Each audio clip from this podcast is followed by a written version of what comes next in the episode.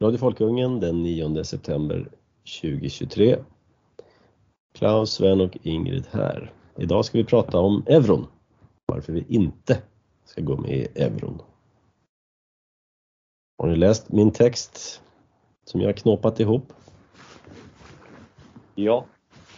Ja. Tänkte vi ska utgå från den. Eh, för att det vanligaste argumentet man hör nu för tiden det är ju det här att eh, ja, men svenska kronans växelkurs är så dålig. Därför eh, måste vi gå med i euron. Det har vi bland annat från eh, Folkpartiets partiledare Johan Persson.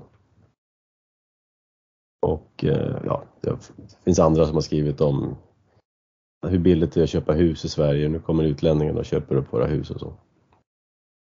Eftersom växelkursen är så dålig. Vad tänker ni om det här argumentet? Att det skulle komma folk utifrån och köpa våra hus?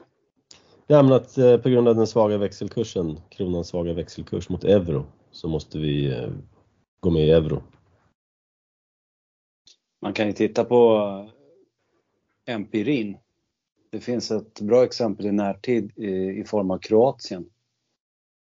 Uh, Kroatien är ju ett land som är väldigt beroende av turism. Och uh, de gick med, uh, de skaffade euron här för, ja, jag vet inte hur länge sedan det är, men det är, det är nyligen alltså. och priserna har ju skjutit i höjden. Så att det är ingen rolig, rolig situation för Kroatien skulle jag vilja påstå. Uh, Grekland, så... har, ja, Grekland har väl någon liknande erfarenhet tror jag. Det var samma när Tyskland gick med. Jag kommer ihåg det här för de kallade det för euroflation. Euro säger man i Tyskland. Euroflation. Därför då stod euron mot D-marken 1 till 2. Mm -hmm. Eh, och vad tyska handlarna gjorde det var att de bara bytte eh, valuta men behöll siffrorna liksom. Mm. Så allting blev ju dubbelt så dyrt över, över natten. Ja, jag överdriver lite, inte allt men det var många som gjorde på det sättet i alla fall. Men det där är en ganska tillfällig effekt för att eh, till slut så kommer det ja, normaliseras med konkurrens och sådana saker. Eh, men det här är ju ett väldigt dåligt argument. Kanske det sämsta argumentet för att gå med i euro, att växelkursen för tillfället skulle vara dålig. Ehm. Jag menar, en sak är, som man hör, ja men när vi åker på semester så får vi så lite för våra kronor numera. Och eh, det är egentligen vi får lite för våra kronor därför att vår ekonomi är svag. Valutan, eh, och växla valuta, det är bara ett mellansteg. Så du, du kan själv gå med i euron om du vill. Allt du behöver göra är att du, eh, när du fått, fått din lön så går du till Forex och så växlar du in den i euro. Då har du gått med i euron. Och sen så kan du ju se hur mycket rikare du blev av det. Det är, liksom inte, det är inte konstigare än så. Argumentet är oerhört korkat. Men det är ju ett eh, sånt barnargument som biter på de som inte förstår. Ett land blir inte rikare beroende på om man har en annan papperssedel. Nej, men sådana som varit utomlands och sett hur lite bir de får på Oktoberfest nu för tiden. De kan ju tycka det. Om vi bara har euro som, som tyskarna så får vi lika mycket öl som dem. Ja.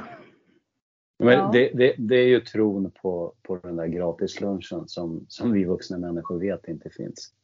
Ja, men det är alltså en vuxen människa som använder det här argumentet i en debatttext i Aftonbladet, en, en svensk partiledare.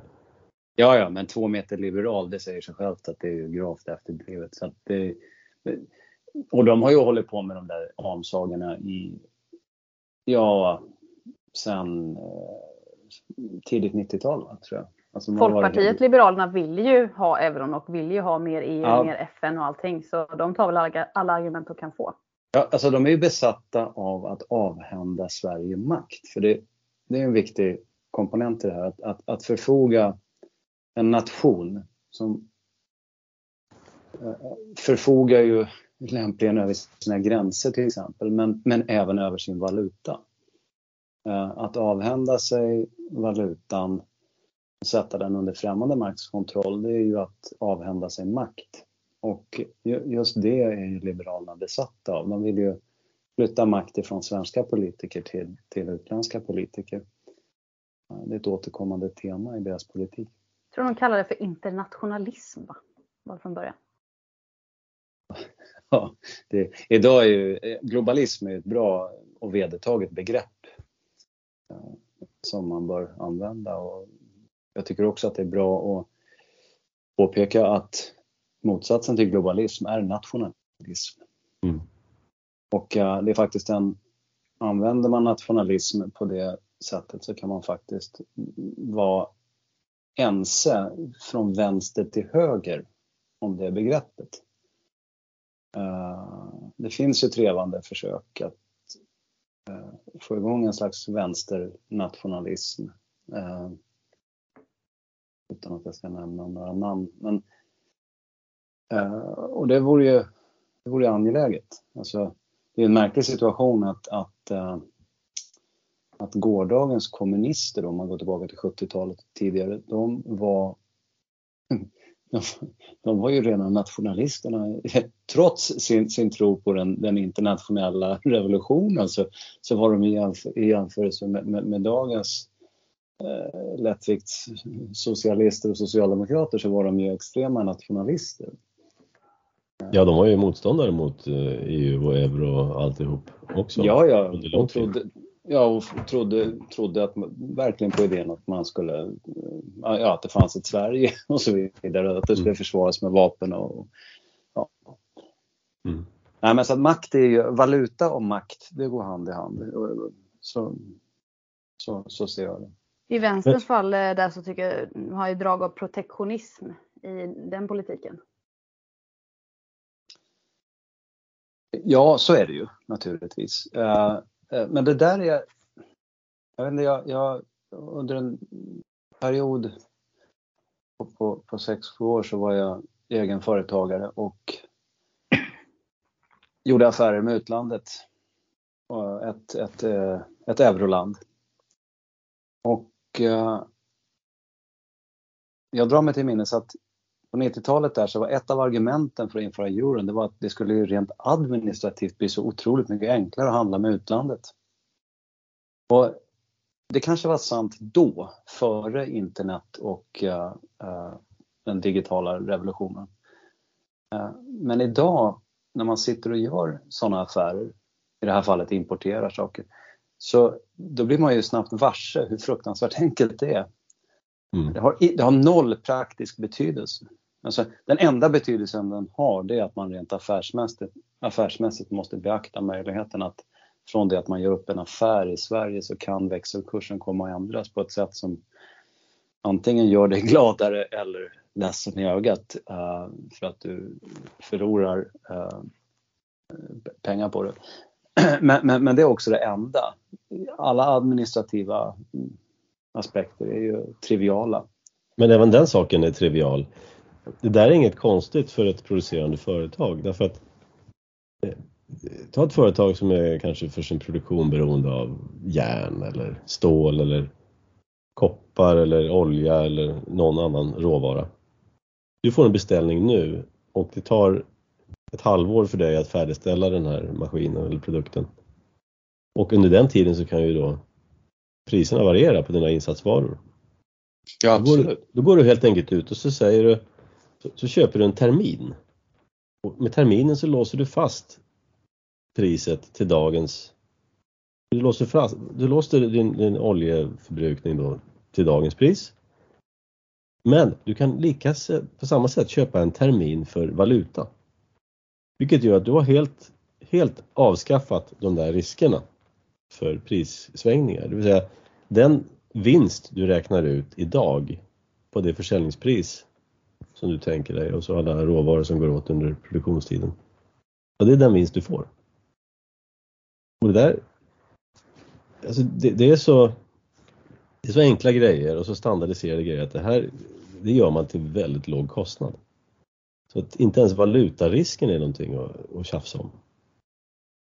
Men jag kan mycket väl tänka mig att eh, avskaffa eller överge kronan för en internationell valuta men under väldigt speciella omständigheter som jag kommer till eh, lite senare. Mm -hmm. eh, bara en sak till av de här argumenten då för att partiledaren här han säger ju att Sverige reas ut på grund av den dåliga valutan. Vill säga det, det blir billigt att köpa upp Sverige, det är billigt att köpa svenska hus, och svenska företag, svenska aktier. Eh, men det är samma sak där. På samma sätt som jag kan växla min lön till euro och gå med i euron själv. Så om våra hus nu, fastigheter i Sverige är prissatta i kronor. Men tysk vill köpa, då räknar han ut vad kostar det här i euro. Mm. Och går vi sen med i euro så kommer värdet på det huset bara ges i euro istället. Tysken slipper räkna själv. Så att, att byta valuta, det, det, är först och främst att byta måttenhet. Mm. Och jag blir varken längre eller kortare om man anger min, min längd i millimeter eller centimeter. Det är samma sak. Så att den här vinsten som man pratar om, att gå med i en starkare valuta, vad det nu ens är, för valutor flyter hela tiden. Den finns inte, den vinsten finns inte. Och då får man sen titta på, och den andra vinsten då som vi pratade om Sven, det här att ja men vi slipper valutarisk och vi slipper ta hänsyn till det. Den vinsten är också i stort sett noll. Eh, och det är de då stora argumenten för det här med att gå med i euron. Eh, han nämnde också något annat argument som var väldigt dumt. Eh, jo, och det här är egentligen bara floskler. Stabilitet. Ja, han säger så här. Eh, nu ska vi se, vad hade jag det citatet? Jo. Om man inte sitter med vid bordet hamnar man lätt på menyn. Idag väljer Sverige att sitta utanför förhandlingsrummet och avstå viktigt politiskt inflytande i frågor som faktiskt påverkar vår ekonomi. Mm. Mm. Hur mycket kan vi i Sverige påverka till exempel eh, svensk eh, jordbrukspolitik nu för tiden? Mm. Nu när vi sitter med vid förhandlingsbordet. Eller skogspolitik. Men det där är ju retoriskt eh, baggböleri bara. Eh, Sverige har eh, vad är det, 7 miljoner väljare ungefär. Eh, och i EU som hel, helhet så finns det 350 miljoner väljare. De här, eh, vi är alltså en liten andel av totala antalet väljare. Och eh, vi väljer ett Europaparlament som har klart begränsade befogenheter. Eh, så det där är ju bara svammel. Ja, liksom, liksom, på riktigt. Så att, uh. Tänk det här att om vi inte var med i EU, då skulle vi styra vår egen skogspolitik. Eller hur? Oavsett vad ja. EU gör så gör vi precis vad vi vill. Går vi med i EU, då har vi ingenting att säga till om vår egen skog. Det är precis samma sak med euron här. Och, och återigen, empiri. Va? Alltså empiri slår alltid teori. Utfall i verkligheten är liksom, det är facit. Och uh, den här två meter långa liberalen får ju gärna peka då på var, var i Europa man hittar då de här sorgebarnen som håller på att gå under för att de inte har euro. Mm. Uh, jag menar Norge, uh, Schweiz, Eh, eh, eh, ta, ta ett land som Serbien, de har, de har problem. Serbien har problem. men men det, det, är knappast deras valuta de problemen bottnar i. Utan det är ju snarare politiska problem i förhållandet då till, till omvärlden och till EU. Och då vill jag också lägga till en disclaimer. Jag har inga problem med Serbien, tvärtom. Men, men, men, eh, men eh, så att säga, Serbiens problem är en realitet trots det. Jag, jag la, la ju upp en bild här på hur de här valutorna har förändrats över tid och sedan Rysslands invasion. Då. Det är ett annat, ett annat argument som man hör är att sådana här små skvalpvalutor, de drabbas ju i osäkra tider. Vadå drabbas? Eh, tittar på den här grafen så ser jag att norska kronan har gått ännu sämre än den svenska. Eh, men där hör man inget gnäll om att gå med i euron. Men den tjeckiska kronan, den har gått starkare och schweizerfrancen har också gått starkare. Tjeckien har lika stor befolkning som Sverige och Schweiz har ännu mindre än Sverige. Och en annan sak man ser då det är att danska kronan den ligger ganska exakt på euron hela vägen. De har samma växelkurs hela tiden, har inte förändrats. Därför att danskarna de har låst sin valuta till euron. Eh, och det visar att du kan styra din växelkurs. Vi skulle kunna få svenska kronan att eh, växelkursen att stiga mot euron om vi ville. Riksbanken kan bestämma vilken växelkurs de vill ha mot olika valutor. Och det gör de genom att eh, om, om Europeiska centralbanken, jag vill inte ens säga den europeiska, jag vill säga EU-centralbanken, ECB. Om de printat pengar eller trycker pengar i, i en viss mängd så den danska peggen, den, den, den, får man genom att danskarna trycker lika mycket pengar och köper euro för en del tills valutakursen då ligger där den ska då, samma. Men hur avspeglar det sig i andra nyckeltal på det landets ekonomi som gör så? Eh, ja, då, då anpassar sig deras priser och löner ja. istället. Ja. Så det är ingen magi, man får ingenting gratis för att man gör så här. Eh, men om man nu tror att växelkursen mot euron är ett bra mått på någonting, ja men då kan vi också göra det genom att göra samma sak som danskarna. Men saken är att man vinner ingenting på det här. Så dansken tror att han gör någonting smart här, men det är totalt noll nytta. Men vi skulle också kunna göra det om vi ville och vi skulle till och med kunna göra så att kronan blir mer värd gentemot euron om vi vill. Om vi trycker mindre pengar än ECB, då stiger kronan. Trycker vi mer så sjunker den. Så att valutakursen säger ingenting.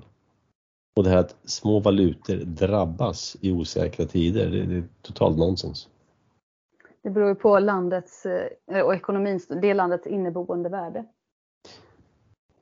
Ja, den, den poäng jag gör här är att valutan är ointressant, eller växelkursen är ointressant. Det som är intressant är vår köpkraft. Vad får vi för den arbetstid vi lägger ner? Det är intressant. Och det kan du inte dölja eller förändra genom att eh, trycka pengar i olika takt och trixa med valutakurser. Allt det här är bara mellansteg och från din arbetstid, dina 40 timmar i veckan, till vad du köper för dem. Det kommer att vara exakt samma sak. Oavsett vilka valutor och, och du går igenom. Och där har ju Sverige fallit. Vi har ju fall, vår köpkraft har fallit. Det är därför det är billigt för utlänningar att köpa hus i Sverige. Det är därför det är dyrt för svenska turister i utlandet.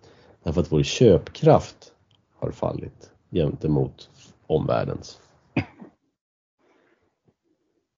Det finns ju en... Det är ja. ingenting man råder bot på med valutatrixande utan det är ekonomiska fundamenta. Det är liksom politik och konkurrenskraft.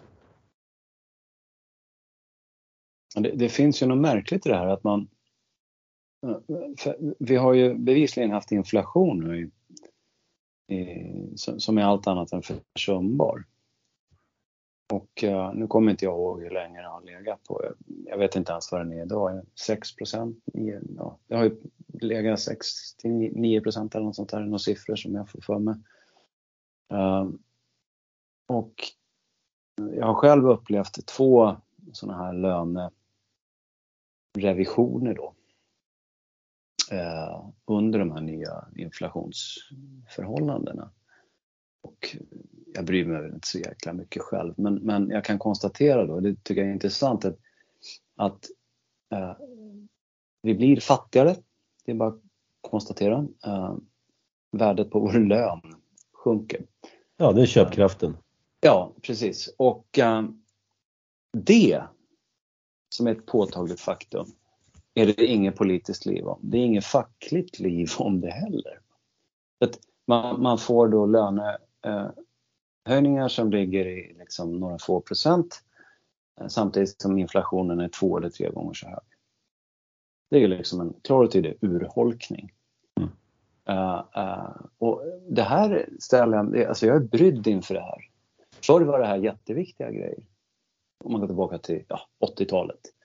Uh, då, då, var det liksom, det var ju det som fackförbunden tjafsade med, med, med Arbetsgivarföreningen om verkligen. Det var ju så man mätte liksom. Mm. Ja. Uh, idag är det, och, och jag, jag, kan inte riktigt bestämma mig för om folket har blivit mer dum i huvudet och okunnigare. Eller om det är bara massmedia som underlåter att uppmärksamma det här. Eller om fackförbunden, det är väl egentligen det jag lutar mot, om fackförbunden på något sätt har blivit så lojala mot socialdemokratin att i det här fallet så kan liksom inflationen ses som delvis då sossarnas misslyckande. Och, och, och, därför så vill man inte väsnas om det. Liksom. Annars, ja, det, det, är svårt att se någon förklaring till hur det kan vara så tyst kring det här. Jag tror nog att det är många inom respektive organisationer som du nu nämner som inte förstår. Och sen de som faktiskt förstår tiger still för att eh, gynna sig själva. För att det är obekväma saker att säga i de här organisationerna. Ja, det, det... Ja, det är en kombination. Så att inflation är ju att, att vi tappar köpkraft. Eh, alltså inflation är alltid dåligt. Det står i skolboken att lite inflation är bra och sådär. Det är allt, inflation är alltid dåligt. En av orsakerna Klaus att jag hittade dig tror jag faktiskt. Ja, okej. Okay. Det var för jag började läsa mycket om inflation för jag förstod inte vad är, vad är 2 målet bra för? Jag förstår inte. Nej. Det är inte bra för någonting. Riksbanken har en lagstadgad, ett lagstadgat uppdrag, eh, tvådelat. Det är att tillhandahålla ett betalningssystem, vilken, ja, det kan vilken hacker som helst bygga idag, så det är, ingen, liksom, det är ingen raketvetenskap. så där behövs de inte. Det andra är att bevara kronans köpkraft. Och det tolkar man som att vi ska ha 2% inflation. Att bevara kronans köpkraft tolkar Riksbanken som att vi ska förstöra köpkraften med 2% per år. Eh, man, man, lever i tron att lite inflation är bra för det, det triggar folk att köpa. Nu. Varifrån kommer den idén från början? Eh, ja. Någon, någon Keynes? Eh, ja, det var det jag tänkte också. Är det Keynes?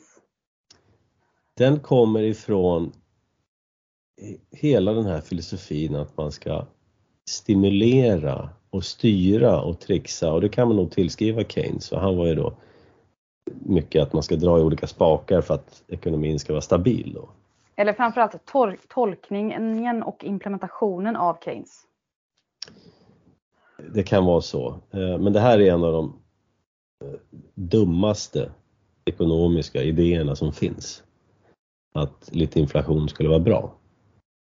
För att folk inte skulle köpa saker annars och då skulle ekonomin stanna och sådär. Det är liksom därifrån den kommer. Och sen har man bakkonstruerat det här. Jag har en, en rolig bok från, jag tror att det är Riksbanken som gett ut den. och den, det är tabeller, sida upp och sida ner med, med priser på råvaror och växelkurser från ja, medeltiden. Och tittar man på den där tabellerna och graferna så har ju då växelkurser och eh, råvarupriser och inflation försöker de räkna på också. Det är, det är väldigt svårt att veta vad man egentligen menar med inflation när det inte finns samma varor idag som det fanns på medeltiden. I alla fall, det här är som man säger all over the map är de här siffrorna. Och sen gör man någon slags medelvärdesbildning över de här tusen åren. Och så, så kommer man fram till, oj det blev 2% inflation. Och så säger man, ja men det visar ju att det har varit 2% inflation i genomsnitt genom historien och därför har vi det som mål. Okay. Alltså det, det, är så dålig vetenskap så det, det finns liksom inte. Eh, men jag har, sagt, jag har nämnt det här förut. Motiveringen till de 2 procenten är att 2% är så lite så ingen bryr sig men det är tillräckligt stort för att man ska undvika mätfel. Det är alltså Riksbankens förklaring till de 2 procenten. Ja, det, det, är precis så dumt som det låter för att 2% innebär en halvering av din, dina besparingar på 35 år eller något sånt där. Mm. Jag bryr mig. Eh, och att det skulle vara tillräckligt stort för att undvika mätfel. Jag vet inte, de ingenjörer du jobbar med Sven, tycker de att det är jobbigare att mäta en tvåa eller en nolla eller en minus tre eller finns det några tal som är lättare att mäta? Det där vågar inte jag svara på. För då kan, då kan vissa åsikter om högre utbildningsklass idag komma ut. inte hamna på den idag. Nej, vi hoppar över den idag. Ja, ja, men det är så dumt. Det är så dumt det här. Men det här från den, den idén kommer då om att vi ska ha eh, ja, det stimulerar ekonomin då. Därför att alla vet ju att om, om vi visste eh, eftersom pengar blir mer värda eller mindre värda med tiden så handlar vi idag. Annars så kanske vi inte skulle köpa mat för en vi kanske inte skulle köpa potatis för om ett år eftersom den är Men tänk om pengarna skulle bli mer värda, deflation, det här är de ju livrädda för. Därför att de har ju sett att när ekonomin kollapsar, då blir det deflation. Då sjunker priser. Och då har de dragit slutsatsen att sjunkande priser orsakar ekonomisk kris. Inte att när vi har en ekonomisk kris, då köper folk inte lika mycket grejer då reas varor ut för att folk ska köpa. Så att det som händer är att ekonomisk kris orsakar fallande priser, reapriser, deflation. Men de här, de lärde, de säger så här, hmm, det är alla fallande priser som har orsakat krisen. Därför måste vi till varje pris undvika deflation. Och så konstruerar de då en, en, en bild i sitt huvud som är så här att om vi har deflation, ja men då vet ju folk att potatisen blir billigare nästa vecka och ännu billigare nästa månad. Och ännu billigare om ett år. Alltså köper ingen potatis på ett år för det blir billigare om ett år. Och därför har vi fått ekonomisk kris. Så resonerar man då. Det är därför man är så rädd för deflation. Och det jag tror de menar då med att en tvåa är lättare att mäta än en nolla Eh, undvika mätfel därför då vill de undvika då att vi hamnar i deflation för det är ju kris för dem och då har man liksom lite säkerhetsmarginal om vi har 2% inflation till den katastrofala deflationen. Och det är det jag tror att de menar. Men Det är också dumt. Eh, absolut inget problem att våra pengar blir mer värda med tiden. Nej, men jag, jag, tycker du sa det bra det här att uh, 2 ja men det är faktiskt en halvering på så så många år. Och det där kopplar ju till, uh, till vad heter det, uh, exponentiell tillväxt. Mm. Alltså för den som förstår matematiken så 1,02 upphöjt till x antal år. Uh, 1,02 upphöjt till 35, det är exakt 2. Mm. Nästan exakt 2. Ja. Och, och där har vi någonting som faktiskt är svårt för många att greppa. Då. Exponentiell tillväxt. En tillväxt, man pratar ju om tillväxt är också en helig ko inom, inom ja, moderna ekonomin. Uh, vi måste hela tiden ha tillväxt. Har vi inte tillväxt så befinner vi oss i kris. Det här är absurt därför att uh, skulle vi ha då 2% tillväxt varje år så är det exponentiell tillväxt. Mm. Det finns inget hållbart med det, det finns inget önskvärt med det. Det finns inget önskvärt med att vår befolkningsmängd ska öka exponentiellt till exempel. Det är, en, det är rent ut sagt en jävla absurditet. Uh, ändå så framhärdar man med det här. Och ältar det på bästa sändningstid i, i, i regimmedias nyhetskanaler. Det ska liksom hamras in i huvudet på folk, ta fan. Jag blev uppmärksammad på en bra bild av det. Eh, när man någonting växer ohämmat i naturen så kallar vi det för invasivt eller att det är en cancer. Det här, det här är också så här kollektivistiskt von oben tankesätt. Ja, vi har här nu, vi sitter här nu som politiker och styrande över det här landet. Och nu vill vi att undersåtarna här ska jobba så att ekonomin växer med ett antal procent per år. Ja, men vad händer om undersåtarna tänker så här, ja, men det vore rätt skönt faktiskt att jobba en dag mindre i veckan och kanske gå lite mer tid i skogen. Ehm, eller göra någonting annat. Eller vara med barnen eller någonting sånt. Det vore rätt trevligt. Jag tror jag jobbar lite mindre. Det är alltså ett problem då för överherrarna. För att de har ett tillväxtmål ovanpå oss. Det är boskapstänk. Va? Framförallt blir det inte självförverkligad, vi får inte glömma det. Nu är jag ironisk. Nej, precis. Med, med, med, risk för att ha nämnt det förut någon gång, men uh, en story som en, en, uh, en uh, numera död kollega på min arbetsplats uh, hade. Det var från Mellanamerika. Uh, en uh, sån här missionerande pastor som ömmade för indianerna som lastade bananbåtarna. Urbefolkningen. Ja. Tänk på ditt ordval. ja. Urbefolkningen. Skojar. Ja. Ja, men de, de lastade då uh, de här båtarna. Det, det, var ju på den tiden man bokstavligen bar ombord bananen.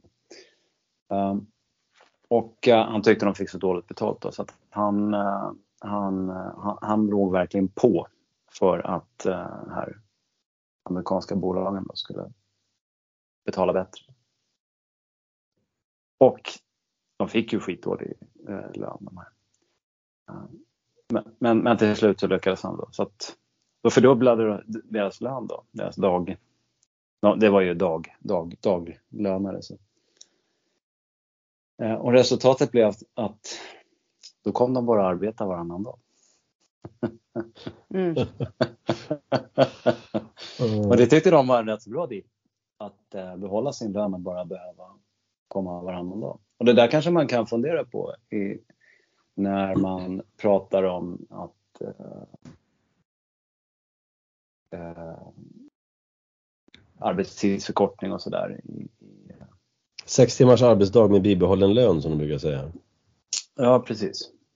Uh, man kanske ska fundera på hur människor fungerar. Det finns en sån rolig anekdot om en, en amerikan som kom och besökte någon, uh, han var på någon så här paradisö och så var det en fiskare där som låg och tuggade på ett grässtrå. Jag sa, varför jobbar du inte?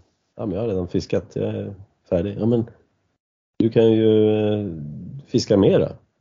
Varför ska jag det? Jag är färdig. Ja, men då kan du köpa en båt till. Ja, ja sen då? Ja, men sen kan du starta ett liksom, fiskeriföretag och tjäna mer och jaha, varför?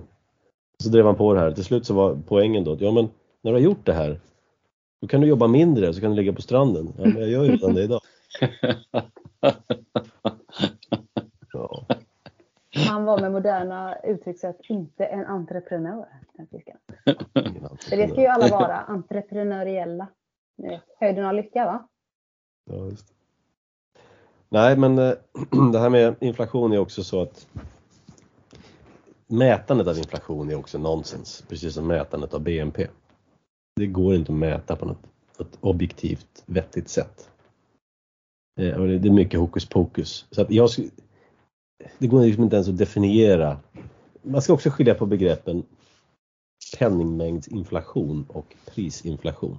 Om mm. vi ska reda ut lite begrepp här. Copernicus för 500 år sedan. Han var den första som dokumenterade sambandet mellan penningmängdsinflation och prisinflation. Han sa att ökar vi mängden pengar, då ökar priserna i ungefär motsvarande grad. Och eh, det här förnekas ju idag av många eh, centralbanksmänniskor, det vill säga de som sitter på penningmängdsspaken. Eh, för mig så är det ungefär som att förneka Copernicus insikt att jorden kretsar kring solen. Eh, men, men det är inte alla som, som tror på det här då, för sambandet mellan penningmängdsökning och prisökning. Så så illa är det ställt med de akademiska experterna. och, eh, och inflation är alltid dåligt. Därför att det som händer är att det är inte så att pengar släpps med helikopter så att en, en morgon vaknar man och så har alla dubbelt så mycket pengar på sina konton och i fickorna och sådär. Utan pengar kommer in i ekonomin på ett visst ställe. De injiceras i en viss punkt. De som får pengarna först, de har nytta av de här nya pengarna. Och pengarna injiceras i bank, via banker, deras kunder. Så till exempel då de som Eh, de, de här nya pengarna kommer från centralbanken och så tar banken dem och så kan de ge billiga lån och då tjänar banken på det här och i andra hand så tjänar den som kan ta ett billigt lån på en fastighet. Eh, och sen så sipprar de här pengarna då gradvis ut i ekonomin och så, så stiger alla priser. Först så stiger ju då priserna på fastigheterna då. De får de först. Eh, och sist når de här pengarna de fattiga eller de egendomslösa, proletariatet. Och det enda de ser, det är att priserna har stigit. Så att de som har fått pengarna först, de har alltså fått köpkraft av de som har fått dem sist. Så inflation är en omfördelningsmekanism, precis som skatt. Fast det fungerar på lite lurigare sätt. Omfördela köpkraft från de som får pengarna sist till de som får pengarna först. Jag har, jag har en, eh, en vän som bor i Danderyd. Jag köpte ett, jag har ett ganska fint hus där, jag har bott där länge. Kanske 15-20 år. Och han brukar tacka de fattiga för att han har fått bo gratis i Danderyd i alla de här åren. Lite eh, sådär det var. För att ja, betalar nästan ingenting i räntor och det är tack vare att han har fått köpkraft från någon som inte har så fina hus. Men den här personen har förstått det alltså? Ja, ja, han har fattat. För de flesta förstår ju inte det. Nej. Så att det är därför det är så idiotiskt med den här danska peggen mot euron. För, de, för att pegga så måste man alltså trycka pengar i samma takt som ECB och köpa euro för dem när du trycker de här pengarna då skapar du inflation och då, skapar, då får du den här omfördelningsmekanismen. Eh, bästa är ju att inte trycka några pengar alls. Utan ha en konstant penningmängd. Då får du fallande priser. Du får stigande växelkurs mot omvärlden, vilket inte spelar någon roll. Det viktiga är att du slipper den här omfördelningen som kommer med inflationen. Och varför gör inga länder det här? Eh, det finns, en internationella, det finns internationella överenskommelser om att inflatera i samma takt.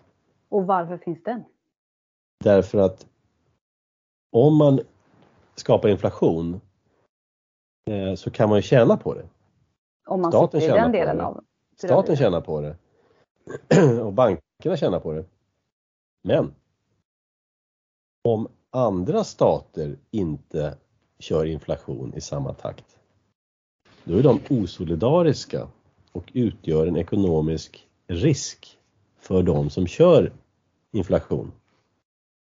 Därför har man institutioner som internationella valutafonden, IMF, eh, vars uppgift är att hålla alla i hampan så att de har ungefär samma inflation. Och hålla ihop växelkurserna så att de är, in, inte varierar för mycket. Kan du någonting om eh, Schweiz eh, politik på det här området de senaste 40 åren? Eh, vad du tänker inflation eller? Mm. Eh, ja, man har ju de senaste 40 åren, ja, det är ganska lång tid tillbaka, men eh, Schweiz var ju en gång i tiden ett, en stat som hade väldigt hög respekt, stor respekt för eh, privat egendom. Till exempel banksekretess då. Eh, men det här har man ju, man har ju numera hamnat under tummen på det internationella kapitalet. Under stövelklacken på det internationella kapitalet. Man har ju släppt banksekretessen. Man kör ju det här ja, valuta, inflationsspåret också. Till för kanske, det var några år sedan, det är 6-7 år sedan, så hade man också peggat mot euron faktiskt. Mm -hmm. Och sen över, natt, över en natt så släppte man det där och det blev rejält åka av i eh, valutamarknaden då. Eh, många som förlorade alla sina pengar och många som tjänade stora pengar. När de släppte. så att eh, Schweiz är inte längre vad det har varit om man säger så. I den här, man kör ungefär samma. Och det här körs ju inte av kantonerna, de små delstaterna, utan det körs ju på central nivå. Och Schweiz har samma problem med sin centralmakt som alla vi andra.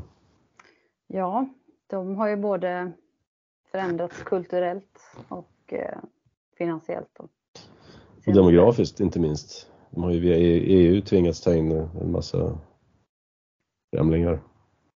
Ja, det har jag missat. Jaha. Jag tror att de har typ 11 muslimer i Schweiz eller sånt. Är det så? Ja. Oj, oj, det här måste jag läsa på. Men vi spårar lite grann. Det är som vi brukar säga, det går fort nu. Ja, precis. Ja, men jag, jag, vill, jag, jag, vill slå ett slag för det här med, eh, du skriver i den här texten att Eh, den, den, ekonomi, den, den, riktiga ekonomin finns bakom valutan kan vi säga. Det var inte mm. så du formulerade det men, men det var andemeningen. Och den, den riktiga ekonomin det är det man ser. Alltså om man, använder sitt, om man betraktar samhället och använder sitt sunda förnuft och tänker efter. Vad är det jag ser för någonting? kan man bilda sig en uppfattning om ekonomi utan att överhuvudtaget blanda in siffror. Så ser man ett slitet, illa fungerande samhälle där till exempel kollektivtrafiken inte fungerar väl. Där eh, hus och byggnader, eh, både villor och flerfamiljshus och kommersiella byggnader är illa underhållna. Och där akuten betyder vänta i åtta timmar. Ja, precis. Ja, Posten här, kommer två ja. år i veckan. Och hur man tar hand om sina svagaste också.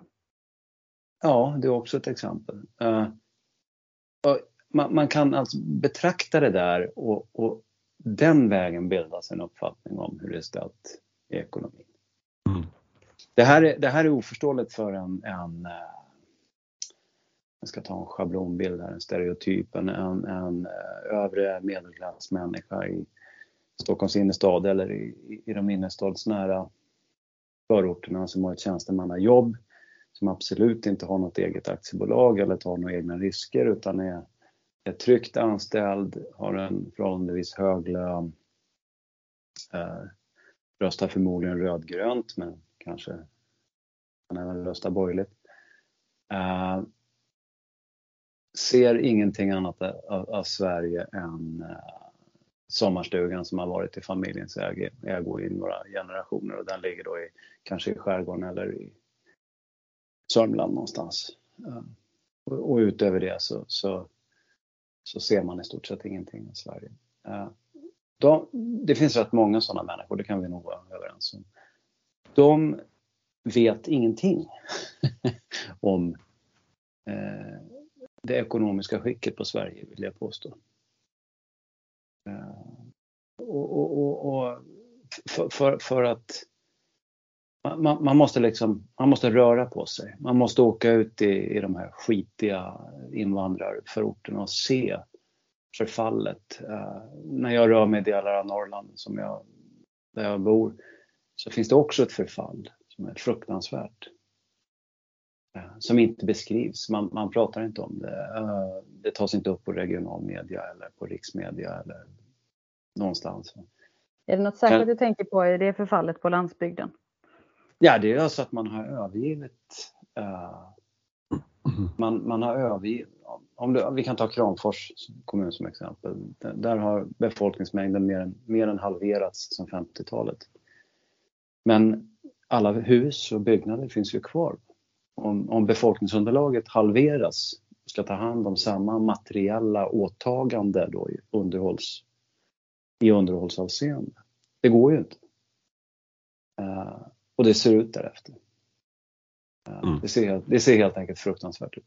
Och alla de här fabrikerna då som i, i Dagens Industri och andra publikationer benämns processindustrier, när man ser dem i verkligheten så det, missförstå mig inte, de, de producerar och de tjänar pengar och, och, och, och, och verksamheten så att säga, gör det den ska, den ger, ger avkastning till sina ägare.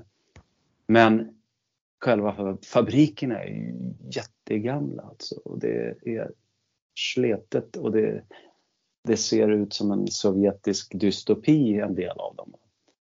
Eh, det, det, det, liksom, det, det, här att betrakta tillvaron och, och, och, utifrån det man ser dra slutsatser om hur det egentligen är ställt. Det, det är jätteviktigt. Det, det, kan man aldrig se i ett Excelblad. Man, man, man måste liksom gå och åka och titta på det. Mm. Precis. Och alla de här siffrorna, valutorna och beloppen, de eh, skymmer sikten.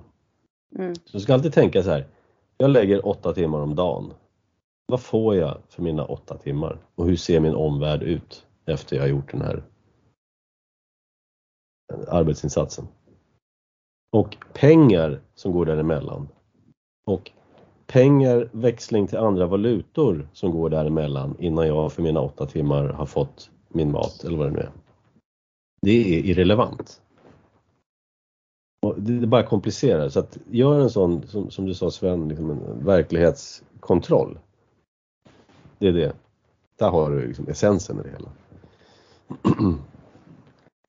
Eh, jag tänkte då knyta ihop den här säcken med att säga att vi har konstaterat att det finns ingen nytta med att byta till euro. Vi blir inte rikare. Det är inte färre fastigheter som köps upp av utlänningar i Sverige. För övrigt, det är också ett dumt argument. Om vi inte vill sälja fastigheter till utlänningar, då förbjuder vi det helt enkelt. Ja, det går. Som, som man gör i till exempel Åland. Du kan inte köpa en fastighet där om du inte är ålänning. Jo, det kan man det däremot. Men, eh, okay. vi, Men det går, i Thailand kan du inte göra det. det. det. går alltså att styra på andra sätt om det nu är ett problem. Och vi kan till och med säga så här. Eh, människor med den här bakgrunden ska inte få köpa, men människor med den där bakgrunden kan få köpa. Vi kan göra precis hur vi vill. Så, vi har alltså ingen nytta av att byta till euro. Men vad är kostnaden för att byta till euro? Den är inte gratis. Kostnaden för att byta till euro är att vi avhänder oss eh, möjligheten till vår egen penningpolitik, det vill säga vår egen sedelpress. Om ECB vill köra sedelpressen, och som jag sa förut, köra sedelpressen, inflation, omfördelning från fattiga till rika. Om, när nu ECB gör det här, vilket de gör eh, kraftigt, skapar mycket omfördelning från fattiga till rika med den ECB-sedelpressen. Om vi är med i euro så är vi tvungna att vara med i det här. Vi kan inte stå utanför. Vi åker med. Om vi behåller kronan, då kan vi låta bli att göra samma sak. Nu gör vi inte det idag. Vi gör precis samma idioti som ECB gör. Till och med värre, vilket eh, ja, jag tror att vi gör till och med mer än ECB. kan inte svära på det. I alla fall, vi utnyttjar inte den möjligheten. Men vi skulle kunna utnyttja den möjligheten om vi någon dag fick en vettigt folk på Riksbanken. Skulle vi kunna göra bättre än ECB. Går vi med i euron kan vi inte längre, då har vi inte den optionen. Eh, jag skulle vara villig att överge svenska kronan för en global valuta eller en europeisk valuta. Om den valutan inte var politiskt manipulerbar med sedelpress. Mm. Här har vi då de klassiska ädelmetallerna, guld och silver till exempel. När det var pengar. Tänk, tänk er en internationell guldvaluta eller en silvervaluta. Jag gillar faktiskt silver bättre än guld. Eh, inga problem. Så länge det inte gick att trixa med den politiskt. Men så länge alternativet till en svensk pappersvaluta är en europeisk pappersvaluta som vi inte har någon kontroll över så är det bättre att behålla vår egen skräpvaluta. Där har du då essensen i motståndet till euron. Vi får ingen nytta, alla de här positiva effekterna som de pratar om, det är noll.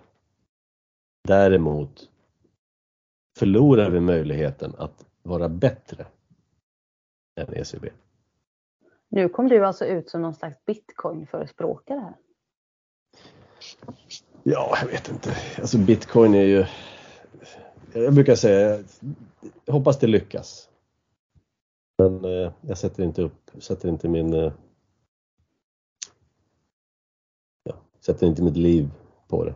Det har ju sina praktiska nackdelar, men eh, det är just det du säger, den är omanipulerbar och går inte att göra mer. Nej, problemet är med, med bitcoin att om du ska köpa mat för den i slutändan så måste du växla den till en, en statlig valuta som används i, såvida du kan få bonden att sälja till dig i bitcoin. Ja, men det är ju sant för även den hypotetiska valutan du nyss beskrev. Ja, och problemet är när du ska växla dina bitcoins till en statlig valuta. Där har du den, den ömma, vad ska man säga, akilleshälen. För det är alltid där staten sätter in sina kontrollmekanismer. Så är det. Banksystemet och växling, växling och sånt. De hade gjort samma med om det kom en silver. Ja, kanske, kanske att folk tar emot ädelmetaller lite lättare. Det är möjligt. Ja, jag vet inte. Och det, jag menar ädelmetaller har funkat i ja, 6000 år. Och eh, jag tror att eh, det kommer... Finns en anledning att vissa stater köper väldigt mycket guld till exempel. Mm, mm, mm.